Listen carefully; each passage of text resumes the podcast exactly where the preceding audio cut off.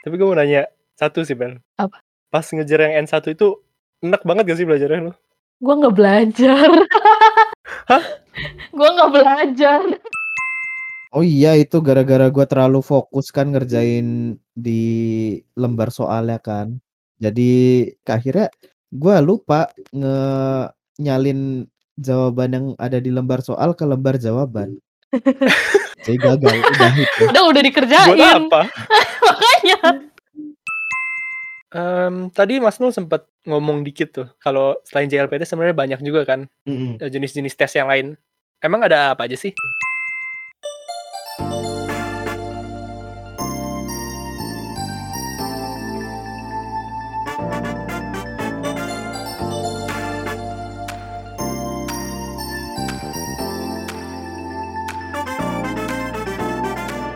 Selamat datang di Izakaya Podcast.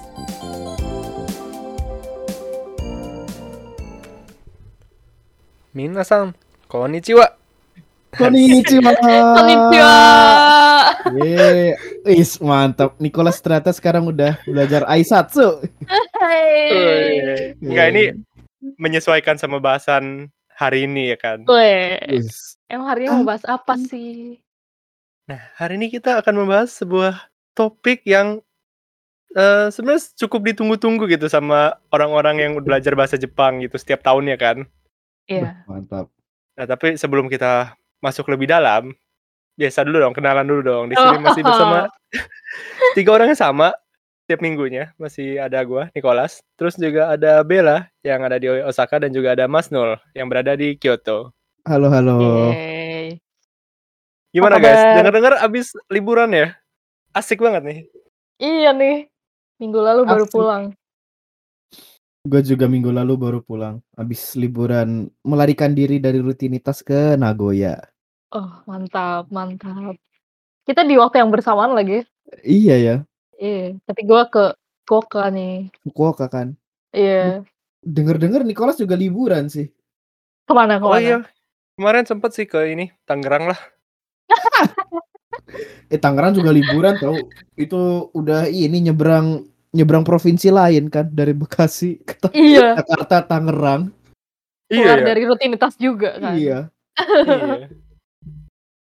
Jadi gimana liburan kalian kemarin tuh? Asik. Hujan terus. Hujan Pak. Iya. Mau ke mana-mana Untung Giliran pesawat juga. gua- liburan hujan ya. Untung pesawat gue bisa terbang cuy nggak cancel. Kalau cancel kan wah berabe banget. Oh, ya sempat ada itu Iya. kan apa katanya ada badai juga kan yang datang. Iya. Pas gue udah balik ke sini tuh ada banjir gitu loh di sana. Begini deh. Hmm. Tapi aman kan untung Will? Untung aman sih. Bisa pulang. Hmm. Nah makanya itu badai pasti berlalu lah ya No. Mantap. berlalu. Hari ini quotes-nya bukan dari Noel tapi dari Nicola. Nicholas Nicholas sudah banyak belajar ya. Mantap. Iya. Terima kasih Sensei. Nah kalau gitu eh, hari ini kita akan membahas tentang JLPT atau singkatannya itu adalah Japanese Language Proficiency Test. Apa Bahasa? Jepangnya apa? Bahasa Jepangnya apa? Bahasa Jepangnya, ah tolong salah satu dari kalian tolong ya. Saya belum siapin tuh apa tuh. Belum siapin. Apa no? Apa no? Nihongo Noryoku Shikeng. Mantap. Mantap. Biasa orang sini manggilnya nokeng-nokeng gitu kalau sama sensei. Iya, Nokeng. disingkat gitu. Nokeng ukeru. Kok gitu Hmm. nokeng ukeru gitu terus. Biasa orang Jepang tuh suka nyikat-nyikat ini, nyikat-nyikat kata. Orang Indo juga sama aja. Tapi orang Indo nggak selebay orang Jepang. Orang Jepang tuh pasti semuanya juga semuanya di ini, di apa? Di singkat-singkat gitu loh. Oke. Contohnya, Contohnya itu kan nokeng tadi kan. Mm-mm. Habis itu Oh ya, kok gue lupa ya tiba-tiba ya. Iya. Iya. ya, baru gue mau gue kasih spot ke lu biar lu pamer bahasa Jepang lu no. Iya, gimana lu- sih? Gue gue gue lupa. Kesempatan nih. You just miss your chance man.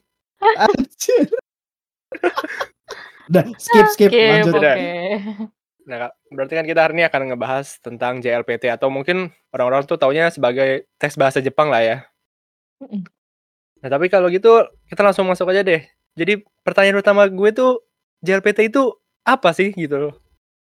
Jadi, JLPT itu adalah ujian kemampuan bahasa Jepang yang ditujukan untuk orang-orang yang apa bukan native speaker bahasa Jepang gitu loh. Jadi eh, targetnya bukan orang Jepang, tapi kayak orang yang bukan orang Jepang yang belajar bahasa Jepang gitu. Nah, di JLPT ini tuh ada level-level gitu ya, ada tingkatan-tingkatannya gitu. Jadi bukan kayak tes TOEIC atau TOEFL yang semua tesnya sama terus dikasih skor gitu, Mhm. tapi Mhm. ada tingkatannya gitu.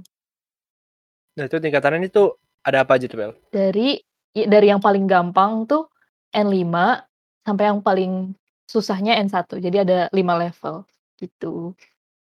Oke dari N5 ke eh sampai N1 ya? Iya. Nah itu mmm, beda-bedanya tuh gimana sih perbedaannya? Jadi perbedaannya tuh, eee, ya tentunya susah gampangnya. Jadi Mhm. kalau misalnya contohnya nih di yang N5 itu, eee, kan jadi ada bagian, eee, vocabulary, terus apa namanya apa namanya apa namanya, vocabulary, grammar, listen reading sama listening ya. Nah di tentunya bahasa Jepang kan tidak lepas dari itu ya, huruf-huruf katakana, hiragana, sama kanji. Nah di N5 ini kanjinya kayak apa, kanji yang dipelajarin sama anak-anak SD gitu loh, SD Jepang. Jadi beneran levelnya masih level yang Ah. bawah gitu. Iya, terus semakin ke atas semakin susah. Nanti apa ya, bertahap gitu. Nanti kalau udah N1 tuh kayak udah selevel lu harus udah bisa baca koran gitu loh. Mhm. Jadi mungkin kalau di apa, recap dari yang tadi Bella jelasin, JLPT berarti pokoknya intinya tes bahasa Jepang untuk foreigners ya kan? Iya. Betul. Di mana tesnya it di mana JLPT ini juga ada, eee, 5 tingkatan ya, dari N5 yang setara dengan kemampuan bahasa Jepang anak-anak SD di sana, sampai N1 yang yang ya pokoknya udah paling elit lah ya, itu udah paling jago lah ya. Elit. Elit cuy.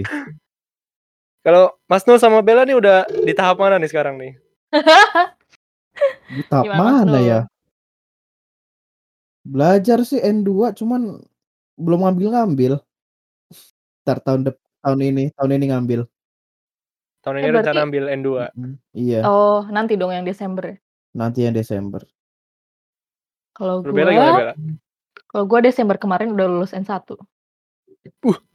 Wah gila. Kaget beneran lu gue. Gila. Jadi gue bangga banget punya teman yang ada N1. Wah mantap. sih. Terus listening-nya full score. Wah gila. Gila. Ngeri. Ngeri. Tapi ini barusan udah levelnya pamer itu. ya tadi pamer sih. Gak Hmm, apa-apa emang susah kan? Wajar gak apa-apa. iya, mmm, i tapi tahu nggak sehari sebelum tes N1 itu gua ngapain? Ngapain tuh? Dan Makanya itu. Makanya makanya bisa maksimal hasilnya. Iya, itu Sensor itu sensor. kuncinya. Iya. Intinya. Aduh. Iya, Eh, gitu. Itu rahasianya Nul. Berarti berarti gua harus berarti gua harus gitu juga. Iya. Pokoknya Ya anjir yang yang nih, Pak. ada yang ada gue besoknya teper gak bisa ngerjain anjir.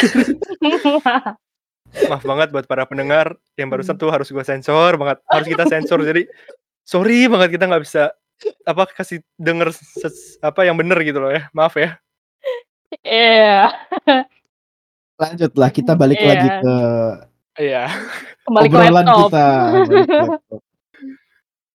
Nah, em, berarti kan berarti lu udah punya sertifikat JLPT N1 ya Bel ya? Iya. Noel N3 ya. Iya. Nah, untuk sertifikat-sertifikat JLPT ini sebenarnya bisa dipakai buat apa sih? Kalau di sini bisa dipakai untuk cari sekolah gitu ya, misalnya lu mau masuk universitas, mau lanjut S1, mau lanjut S2, atau sekolah kejuruan gitu, bisa dipakai JLPT-nya. Terus misalnya lu mau daftar buat beasiswa, bisa dipakai gitu. Nyari kerja juga bisa di sini pakai JLPT kan. Kalau gua gua kan sekarang lagi itu ya, lagi cari-cari kerja juga karena tahun depan lulus kan. Mm-mm. Tapi nggak pernah dimintain sih sertifikat JLPT itu. Oh nggak pernah. Enggak. Berarti ya misalkan Kayaknya kalau mereka ada Kalau ada Iya oke mungkin gitu. kalau ada Mhm. poin plus, tapi kalau nggak ada juga, ya Nggak asal apa-apa. lu bisa komunikasi sih. Mmm, iya iya. Karena ini juga sih, JLPT kan sebenarnya fokusnya ke listening sama reading kan ya? Iya, bukan ke Iya. speaking-nya. Iya, jadi walaupun misalnya mungkin let's say lu N1 pun gitu, tapi sebenarnya belum tentu lu bisa ngomong langsung kan, apalagi kalau yang tinggal di luar Jepang gitu. Iya, Iya, bener. iya Yang nggak betul. dipakai sehari-hari. Mhm. Tapi banyak juga kok yang kayak gitu, orang-orang dari negara tertentu itu ada mereka jago banget ininya, maksudnya reading-nya, terus kayak grammar-nya juga jago, terus vocabulary-nya juga oke banget. Cuma pas ngomong tuh, a, e, a, e, gitu. Jadi sebenarnya Mmm. nggak menjamin juga sih lu lulus N1 bisa ngomong gitu. Iya. Iya iya. Bener sih, bener. Tergantung dari masing-masingnya aja. Iya, kan ada juga ya orang yang emang misalnya tinggal di Jepang gitu, dia nggak mau ambil tes-tes gitu, tapi ya emang ngobrol langsung aja kan sama orang-orang Iya. Iya, bener bener. Mhm. Mhm. Jadi ya Iya gitu ada. J JLPT nggak terlalu menjamin juga lu bisa ngomong kan. Mhm. Betul. Nah, eee, tapi ya emang, eee, di kalau di Jepang gitu, tes Mhm. bahasa Jepang cuma ada JLPT doang ya? Enggak juga nih, ada banyak banyak lagi alternatif ya untuk mengukur kemampuan bahasa Jepang. Nah, tapi kenapa yang paling terkenal tuh kayak JLPT sih? Kayak, ya misalnya kalau kayak persyaratan Mhm. beasiswa gitu kan, pasti yang dicari JLPTN berapa gitu, atau mau kuliah persyaratan juga N berapa. Nah, kenapa JLPT sih yang paling sering dipakai, yang paling terkenal gitu? Karena JLPT itu yang paling umum digunakan di Jepang buat apa ya, eee, ada standarnya standarnya yang dipakai buat di Jepang tuh untuk mengukur kemampuan bahasa Jepang, ya tesnya pakainya JLPT ini. Cuman kan, eee, zaman-zaman sekarang kan udah banyak tuh universitas atau enggak tempat kerja tuh yang nggak mengharuskan orangnya ngambil JLPT, bisa alternatifnya gitu loh, bisa tes lainnya bisa dipakai yang setara dengan JLPT. Oke oke. Gitu. Jadi itu tuh ya jawabannya ya? Gitu. Nah, buat kalau para pendengar kita nih mungkin yang baru mau mulai belajar bahasa Jepang gitu. Terus baru mungkin juga baru denger tentang JLPT ini, nah kira-kira tuh kalau di Indonesia, cara daftarnya tuh gimana sih? Di Indonesia tuh yang setahu gua ya, dia tuh lewat ini, eee, website. Jadi kita daftar via website, habis itu kita bayar sejumlah uang, kita transfer ke penyelenggaranya, dalam hal ini, eee, yang profisiensi tes itu, lembaganya itu, habis itu kita dapet kartu ujian, terus kita tinggal ikut ujian aja di tempat yang udah disediakan. Kalau gua dulu ini, Mhm. dulu gua les bahasa Jepang kan. Mhm. Di deket ada di di Bandung dulu. Nah, si tempat lesnya itu dia ngadain kayak kursus bahasa Jepang buat calon-calon Kenshusei, pemagang-pemagang yang mau ke Jepang gitu loh. Jadi emang udah agak gede si tempat lesnya. Terus mereka ngebuka pendaftaran JLPT, jadi emang mereka digabungin, udah gitu mereka yang ngedaftarin ke lembaganya gitu. Jadi mungkin juga ada tempat-tempat les kayak gitu yang bisa ngebantuin daftar buat tes JLPT gitu. Iya, tapi ya Oh. balik lagi banyak caranya sih, ada bisa ke tempat les itu bisa juga lewat pribadi atau mandiri ya? lewat iya, lewat website. Dan Kalau tes salah JLPT ya sendiri kenapa kenapa? Kalau nggak salah ya di Indonesia tuh paling banyak yang ikut tes J tes JLPT tuh N5, N4, dan N3.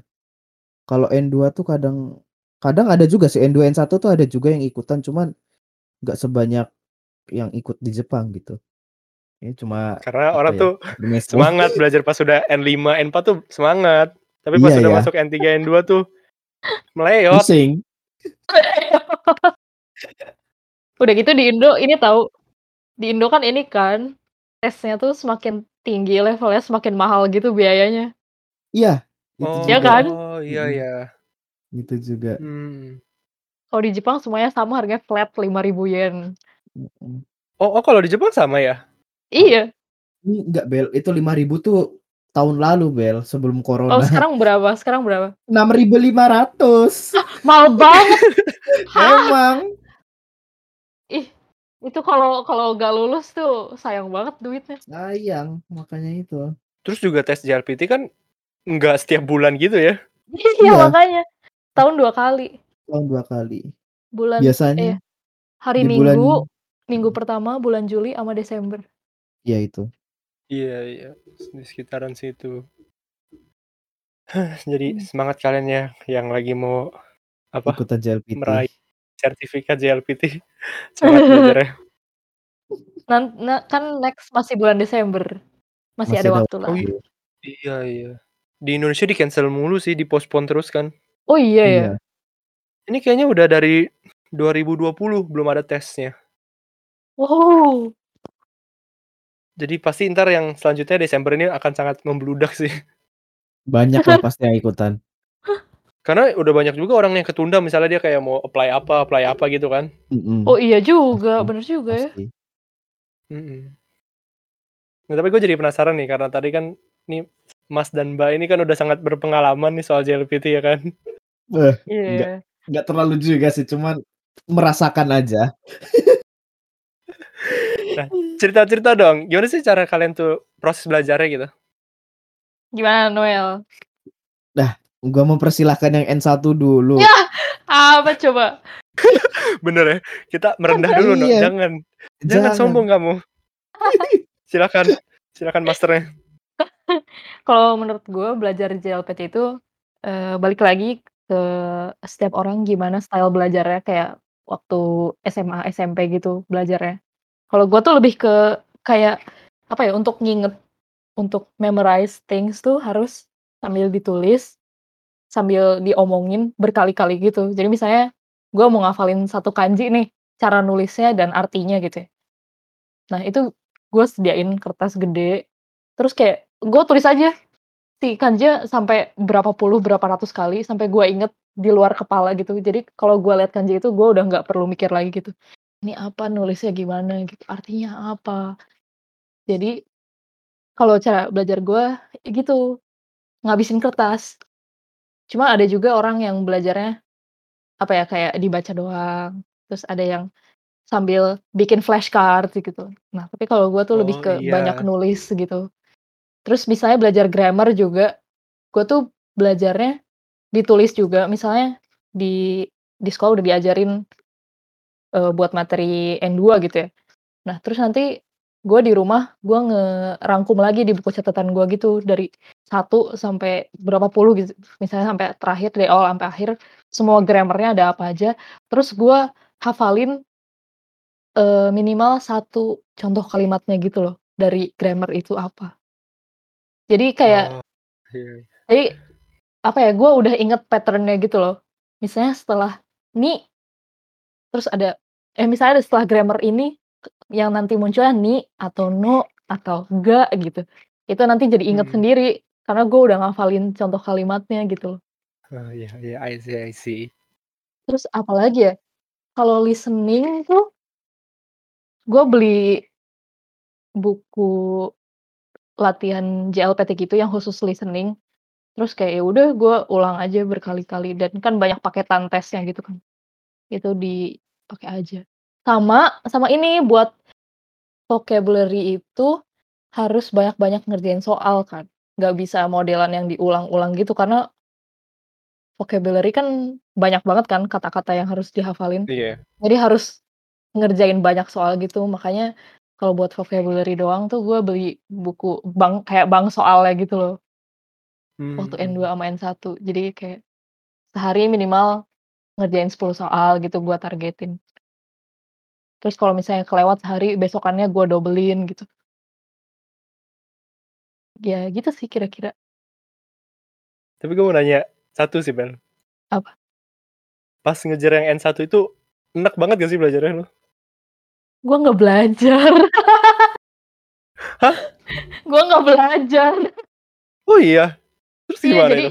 jadi kan gini, jadi kan gue lulus sekolah bahasa tuh tahun 2019 bulan Maret kan. Nah sebenarnya gue lulus sekolah bahasa tuh materi N1 udah beres.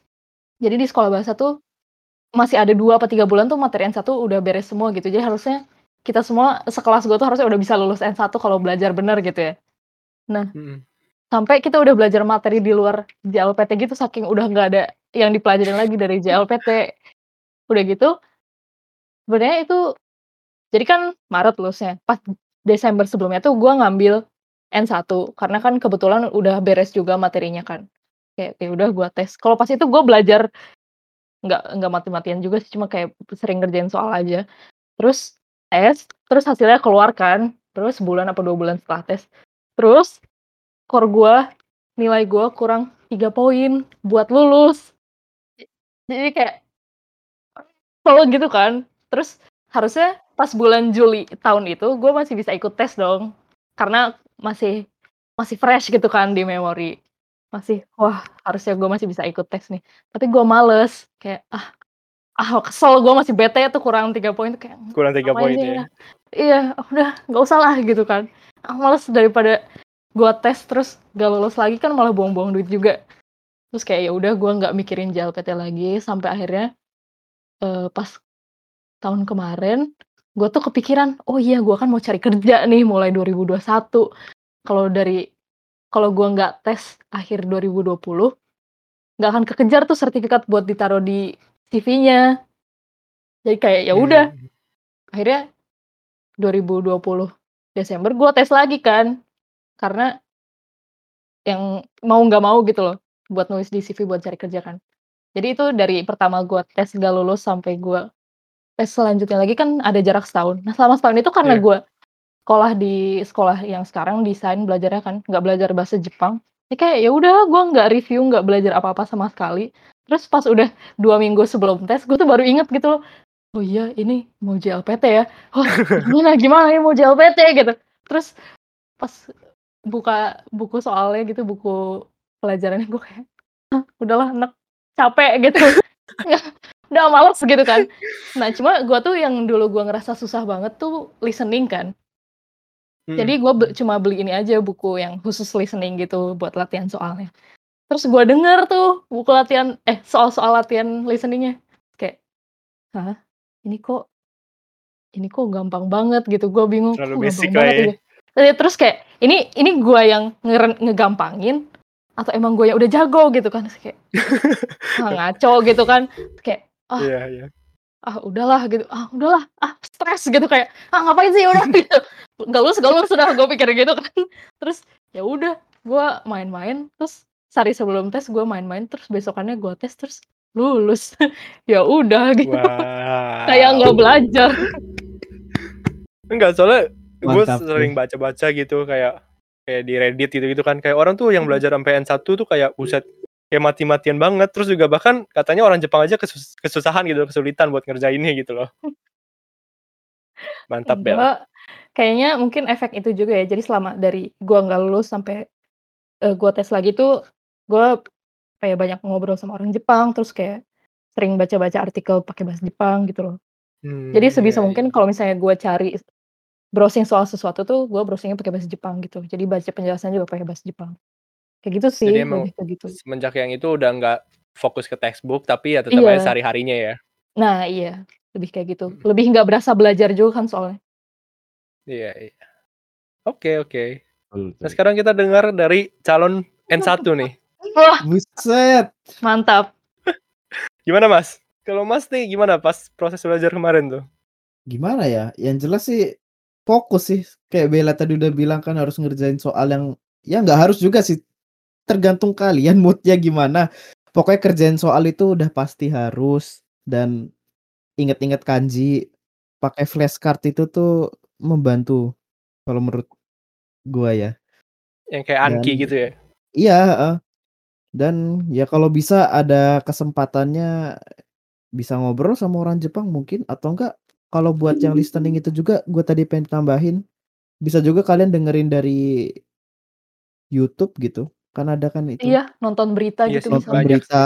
Mm, Iya, ya iya. kayak gitu aja. Meskipun apa ya? Kan sekarang kan ada ini di website NHK Jepang itu kan ada berita yang gampang buat dimengerti gitu loh. Kalau NHK Web Kalian- Easy ya Ya, heeh, NSK Web Easy itu itu kan buat yang level N N3 ke bawah ya pakai itu aja buat buat memahami sebuah berita bahasa Jepang atau enggak buat memahami pola kalimatnya. Kalau ntar kalian pengen lebih challenge lagi, misalkan yang bisa ngerti N2 atau enggak N1 ya tinggal nonton tinggal lihat web berita NHK Jepang yang bukan web easy itu. Yang kanji semua. Yang kanji semua, yang enggak ada yang enggak ada furigananya. Tuh, itu menantang. Kalau dari lu, No, Ya. selama lu belajar buat JLPT tuh pernah mengalami yang kayak fase-fase sulit gitu gak sih? Atau the most Ada. challenging part deh selama belajar JLPT? Most challenging partnya ya itu. Waktunya udah nipis, eh malah belum sesuai dengan apa yang ditargetkan persiapannya. Weh. Hmm. Tuh itu yang paling sulit habis itu ya. Ya udahlah. Ya udah. Ya udahlah Ya pasrah. udah lah. Ya gimana lagi kan otak manusia kalau membuat masukin kan nggak semuanya bisa langsung masuk gitu loh. Da- dalam dalam jangka waktu yang singkat. Pasti kan harus butuh waktu juga. Ya mismanagement waktu sih yang paling challenging pas itu. Iya. Iya. Nah ini kan kebetulan kalian berdua emang maksudnya kan emang eh, apa sih mengikuti sekolah bahasa Jepang lah ya, ya kan? Iya. Nah tapi kalau menurut kalian tuh ya mungkin yang di luar Jepang gitu kayak orang-orang yang di Indonesia deh. Menurut kalian apakah mereka harus les atau sebenarnya bisa sih belajar sendiri buat lulus target JLPT mereka? Enggak. Karena kan banyak banget tuh yang yang les-les bahasa Jepang yang ini kan yang kayak ayo Mm-mm. les bersama kami biar lu cepat lulus N3, N2 kayak gitu kan banyak kan. Heeh. Nah menurut kalian tuh gimana? Mungkin kalau ada pendengar yang tipenya kayak Bella yang bisa langsung ad- adaptasi gitu loh. Yang cepat belajarnya ya belajar sendiri itu bisa. Tapi kalau tipenya yang kayak gua misalkan gua tuh kalau apa ya orangnya tuh susah banget buat fokus gitu. Jadi mut-mutan gitu ngerjain soalnya. Jadi ya kalau bisa ambil les ya itu lebih baik sih. Dan les itu kan juga sebenarnya kan sebagai suplemen dari kita belajar intinya kan. Intinya kan kita belajar sendiri. Yang ngikutin tesnya kan juga kita sendiri.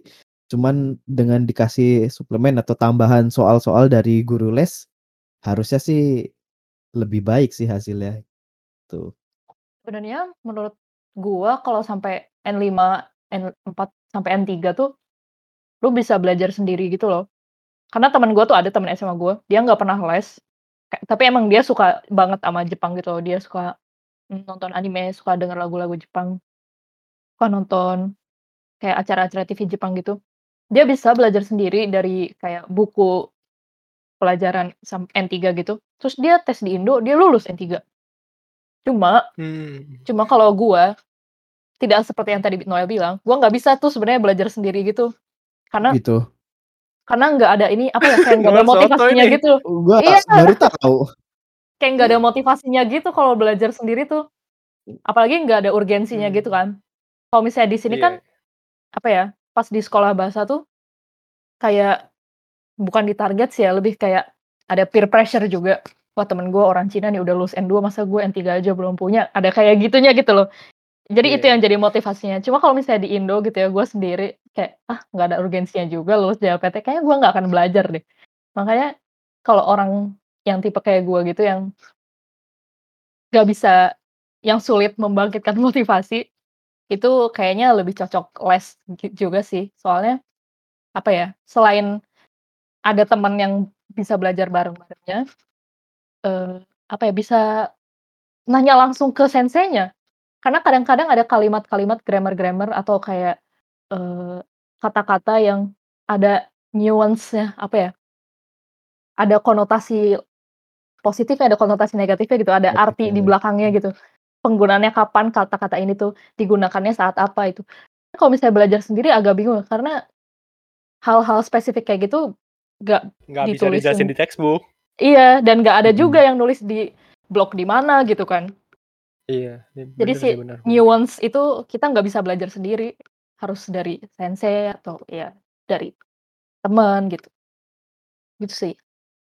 Jadi mungkin emang kalau bagi kalian yang pertama uangnya berlebih gitu dan juga tentunya waktunya ada, ya les aja gitu kan ya.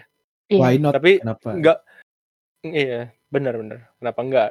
Nah, tapi nggak menutup kemungkinan juga tuh kalau kalian belajar sendiri, bisa juga kok lulus kayak tadi temennya Bella ya kan. Jadi Iya.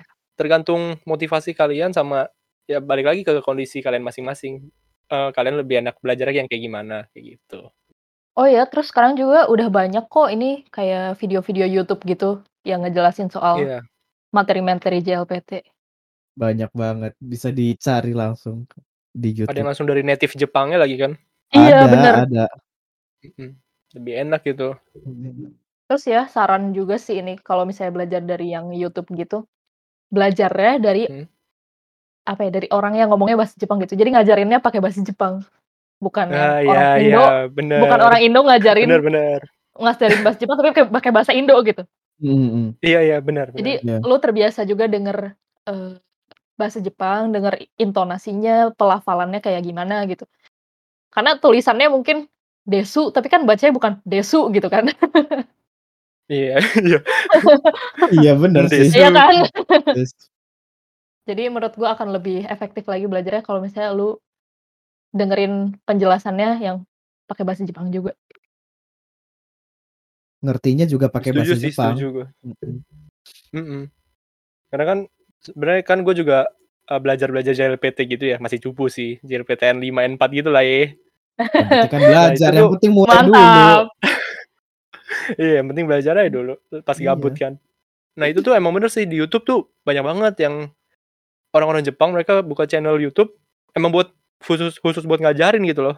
Mhm. Dan kan? menurut gue emang lebih enak kayak gitu walaupun pertama pasti struggle lah pas buat denger apalagi mereka Iya. ngomongnya cepet bener kan. Iya. Tapi ya itu lu ulang-ulang aja terus, ulang 10 detik 10 detik. Ntar lama-lama juga kuping lu Ngerti juga jadi sendiri. kebiasa sih. Nah, benar benar benar. Jadi terbiasa itu penting banget. Mhm.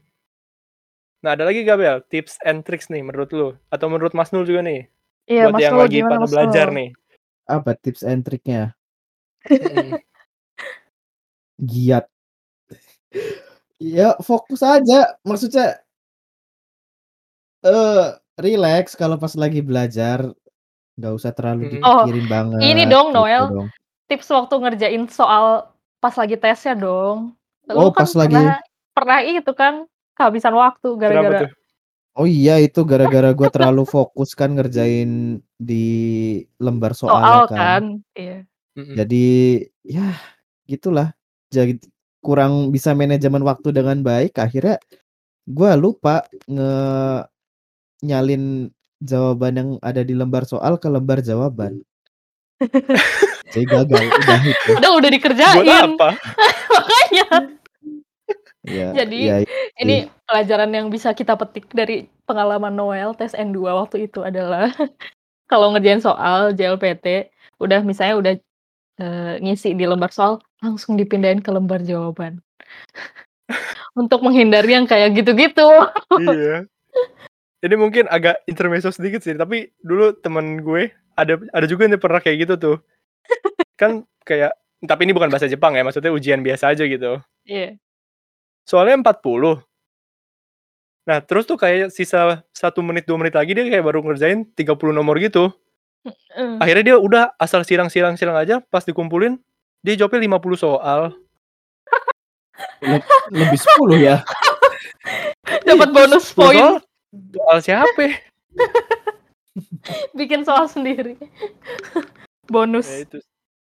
Jadi sebenarnya JLPT lumayan sih pas tesnya kan waktunya lumayan banyak, cuman Iya. ya kalian perlu manage juga lah. Penting Oh itu. iya, JLPT itu kan nggak tahu ya kalau di Indonesia, gue lupa di Indonesia tuh gimana eh, ruangannya. Gue pernah tes di Indo tapi lupa deh. Eh kalau di sini, jadi di ruangan tesnya tuh nggak ada jam dinding. Terus si pengawasnya juga nggak ngasih tahu tinggal 10 menit lagi, tinggal lima menit lagi. Dia nggak ngomong kayak gitu. Jadi kita harus bawa jam tangan sendiri gitu loh. Nah terus Oh iya. pernah, iya gue tuh pernah gue tuh emang sehari-hari nggak pakai jam tangan gitu kan jadi gue juga nggak punya jam tangan nah terus tes gue lupa bawa jam tangan wah itu ngerjainnya berasa dikejar-kejar waktu gitu iya ini kapan beresnya ini kapan beresnya gitu Iya iya. jadi Nggak tahu sih kalau Ya. di Indonesia tuh. oh lu belum pernah tes di Indo nggak nggak nggak kebagian gue yang tahun lalu. Tahun ini juga nggak Oh, kebagian iya terus ya? ditunda lagi. Di-cancel, iya. Cancel Mhm. terus. Kalau tes kayak gitu-gitu jangan lupa bawa jam tangan, guys. Nah, iya itu tuh. Ada lagi Oh, tips iya. tricks-nya nih? Ah, sama Gimana? ini nih, ini intermezzo dikit juga sih. Dulu ya pertama Mhm. gua tes JLPT kan N5 tuh di Bandung kan. Nah, terus gua tuh pede aja gitu, soalnya kalau misalnya kayak tes bahasa Inggris gitu atau kayak kelas bahasa Inggris di sekolah kan kalau misalnya listening tuh suka diulang 2 kali gitu kan si audionya. Iya iya. Ya, Iya. terus gua tuh pede aja kayak, "Oh, kelewat tadi, oh ya udah nanti juga diulang lagi," gitu kan, pas listening-nya. Terus tahu-tahu pas udah listening-nya udah habis, eee, le apa sih, bagian listening sudah ber sudah selesai. Eee, berhentilah menulis dan kumpulkan lembar jawaban, terus kayak, "Apa?" Nggak Anda ada pasti diulang. terkejut kan? Iya, panik kayak, "Loh loh loh," gua panik banget. Langsung ngasal. Nah. Ya, untungnya lulus. N5 doang sih. Cuma panik terus jadi jadi keinget terus gitu, kalau JLPT listening-nya cuma sekali, nggak ada diulang 2 kali. Jadi jangan sampai kalian bengong. Nah, itu. Jadi mungkin bagi kalian yang berencana ambil tes tahun ini gitu, mungkin bisa di-riset-riset dulu deh, kayak kondisi tesnya tuh entar bakal gimana gitu kan. Iya. Jadi kalian juga bisa siap-siapin. Dan ini mungkin gua akan terdengar sangat sotoy sih, apalagi gue belum pernah tes gitu loh. Gak apa-apa lah Gimana ya. gimana? Gimana Lolos, gimana gimana? apa-apa. Nah, kalau menurut gue sih kayaknya eh, dibanding lu ambil tes N5 ke N4 ke N3 kayaknya mending aja deh langsung lu N4 atau enggak langsung N3 aja sekalian. Karena Bener, katanya sih gua N5 setuju sama sih. N4 tuh nggak beda-beda jauh banget. Dan Iya, gua iya. Gue nih belajar kan semenjak pandemi ini kayak beberapa bulan gitu ya. Dan terakhir tuh yang sebelum gua mau daftar tes gitu, gua kayak ikut simulasi-simulasi gitulah. Ada beberapa paket simulasi gitu. N4 aman sih sebenarnya. Setuju sih, setuju banget. Iya, jadi kayaknya menurut gue daripada lu satu-satu gitu langsung aja lah N4 atau N3 karena mereka dia juga nggak ada persyaratan harus dari N5 dulu baru N4 Iya, kan. benar. Benar benar. Gue juga Iya. nggak punya N4, N3. Iya. Jadi Oh langsung lo- lompat ya. Iya, jadi kan pas di Indo tuh pas lagi SMA gue tes N5 terus kayak oke lulus nih gitu. Terus les lagi kan. Terus eh jadi kan berangkat ke Jepang tuh Oktober. Nah, pas Julinya gue tes N3. Apa apa Desember sebenarnya lupa. Pokoknya sebelum berangkat ke Jepang gue tes N3 di Indo. Terus kagak lolos. kagak lulus. Jadi pas gue ke Jepang posisinya gue cuma pegang sertifikat N5 gitu loh. Cuma Iya, ya nggak apa-apa sih sebenarnya. Tapi gua sekarang juga gue ngerasa itu sih, ngapain gue tes N5 gitu, materinya kayak gitu doang. Mending kalian belajar dikit lagi buat langsung ke N4 gitu. Iya iya. Soalnya sebenarnya materinya nggak beda jauh. Hmm, oh iya ya. Nggak, ya nggak tahu sih menurut gue sih nggak beda jauh. Kayak nanggung banget kalau dari N5 tuh. Hmm. Ngomong-ngomong Mas Nul tidur Mas Nul. Enggak, dengerin. Ngomong. Jadi pendengar podcast deh. Iya, jadi pendengar podcast jadi gua. pendengar? Ada apa gak Mas Nul nih yang mau ditambah nih buat eh, membantu proses belajar yang para pendengar ini nih? Semangat, dah itu aja. Soalnya sama-sama berjuang, gue juga belum ada. Ya gimana? Mau ngomong apa Eh. juga kan nggak bisa. Sama ini deh gue nambahin satu lagi deh nih. Walaupun gue sotoy nggak apa-apa lah ya, bodoh lah. Nggak apa-apa, apa-apa, nggak apa. apa.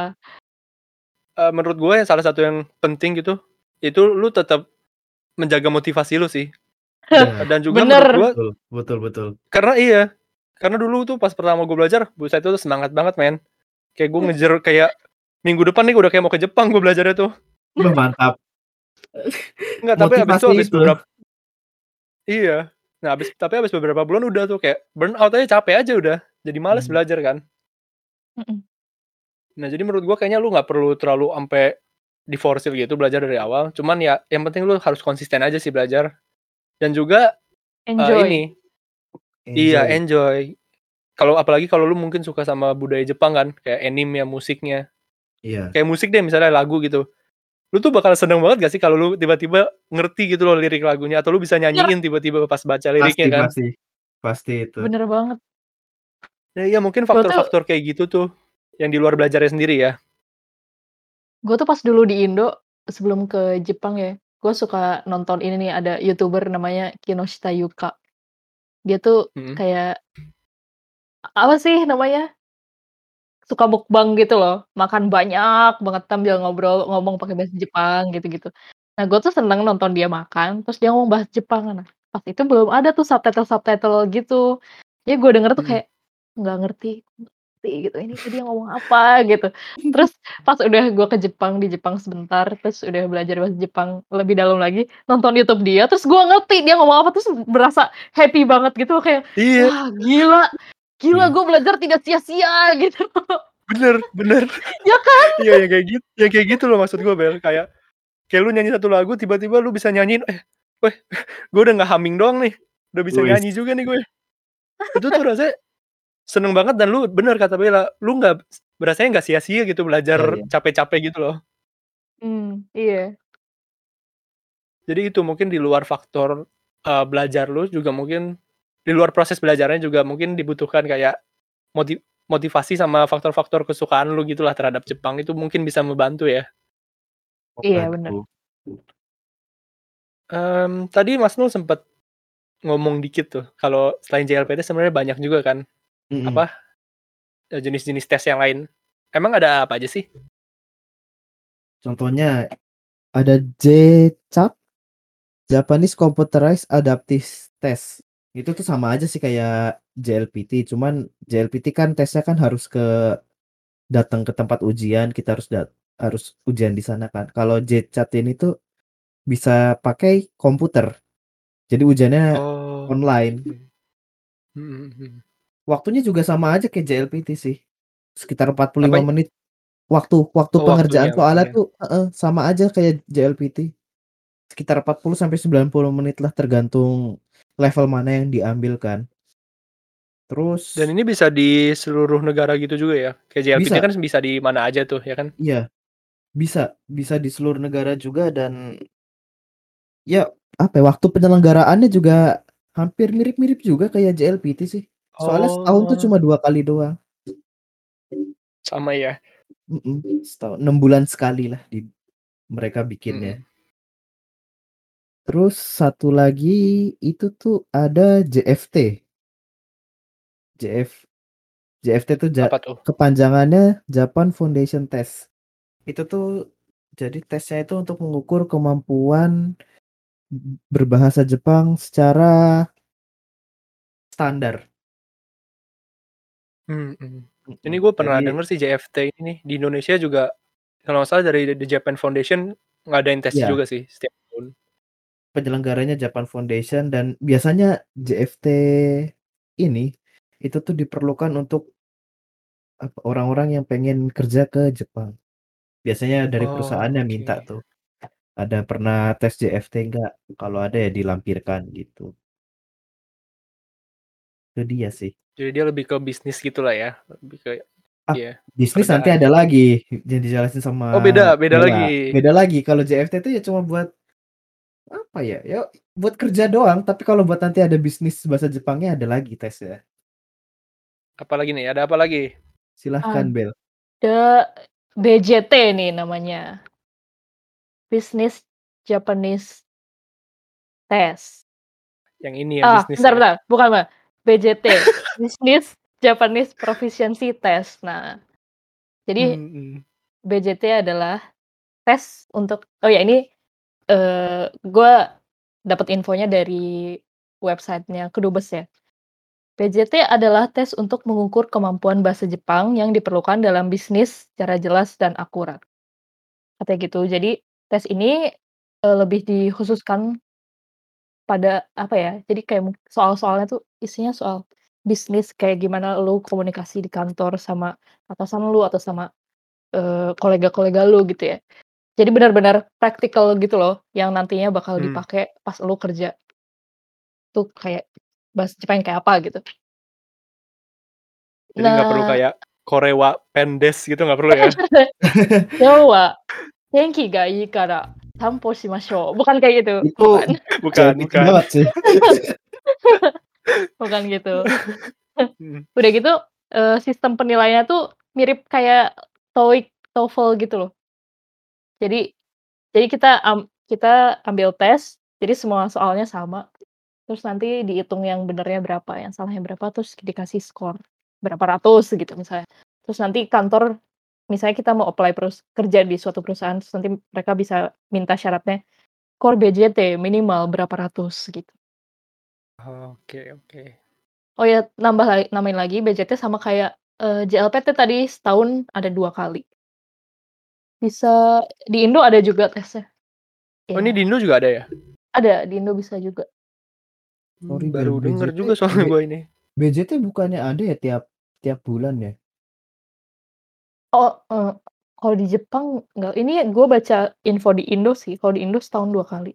Oh di Indo setahun 2 kali ya? Kalau di Jepang Mhm. ya? Oh ya udah. Beda mungkin. Beda mungkin ya, mhm.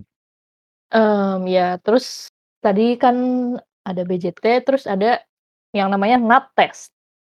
NAT test. Jadi kenapa dinamain NAT test? NAT test tuh kepanjangannya apa? Gua juga nggak tahu. Gua nge nge-search nggak nemu, kenapa dinamain NAT. Jadi Tapi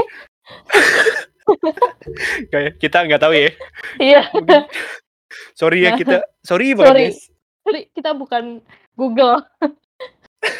Mungkin ya jadi mungkin kalian kalau ada yang tahu singkatannya apa, nanti tulis ya Boleh di kolom tahu, komen, oke? iya. Nanti kita pin komennya. Nah ini buat apa nih? Jadi NAT test tuh, eee, kayak kembarannya JLPT gitu ya. Sama ada 5 tingkatan juga. Jadi level 5, 4, 3, 2, 1, terus dikhususkan untuk foreigners juga. Dan iya bener-bener mirip banget sama JLPT, cuma bedanya, eee, tiap tahun ada 6 kali tesnya. Jadi lebih banyak dari Oh. JLPT gitu.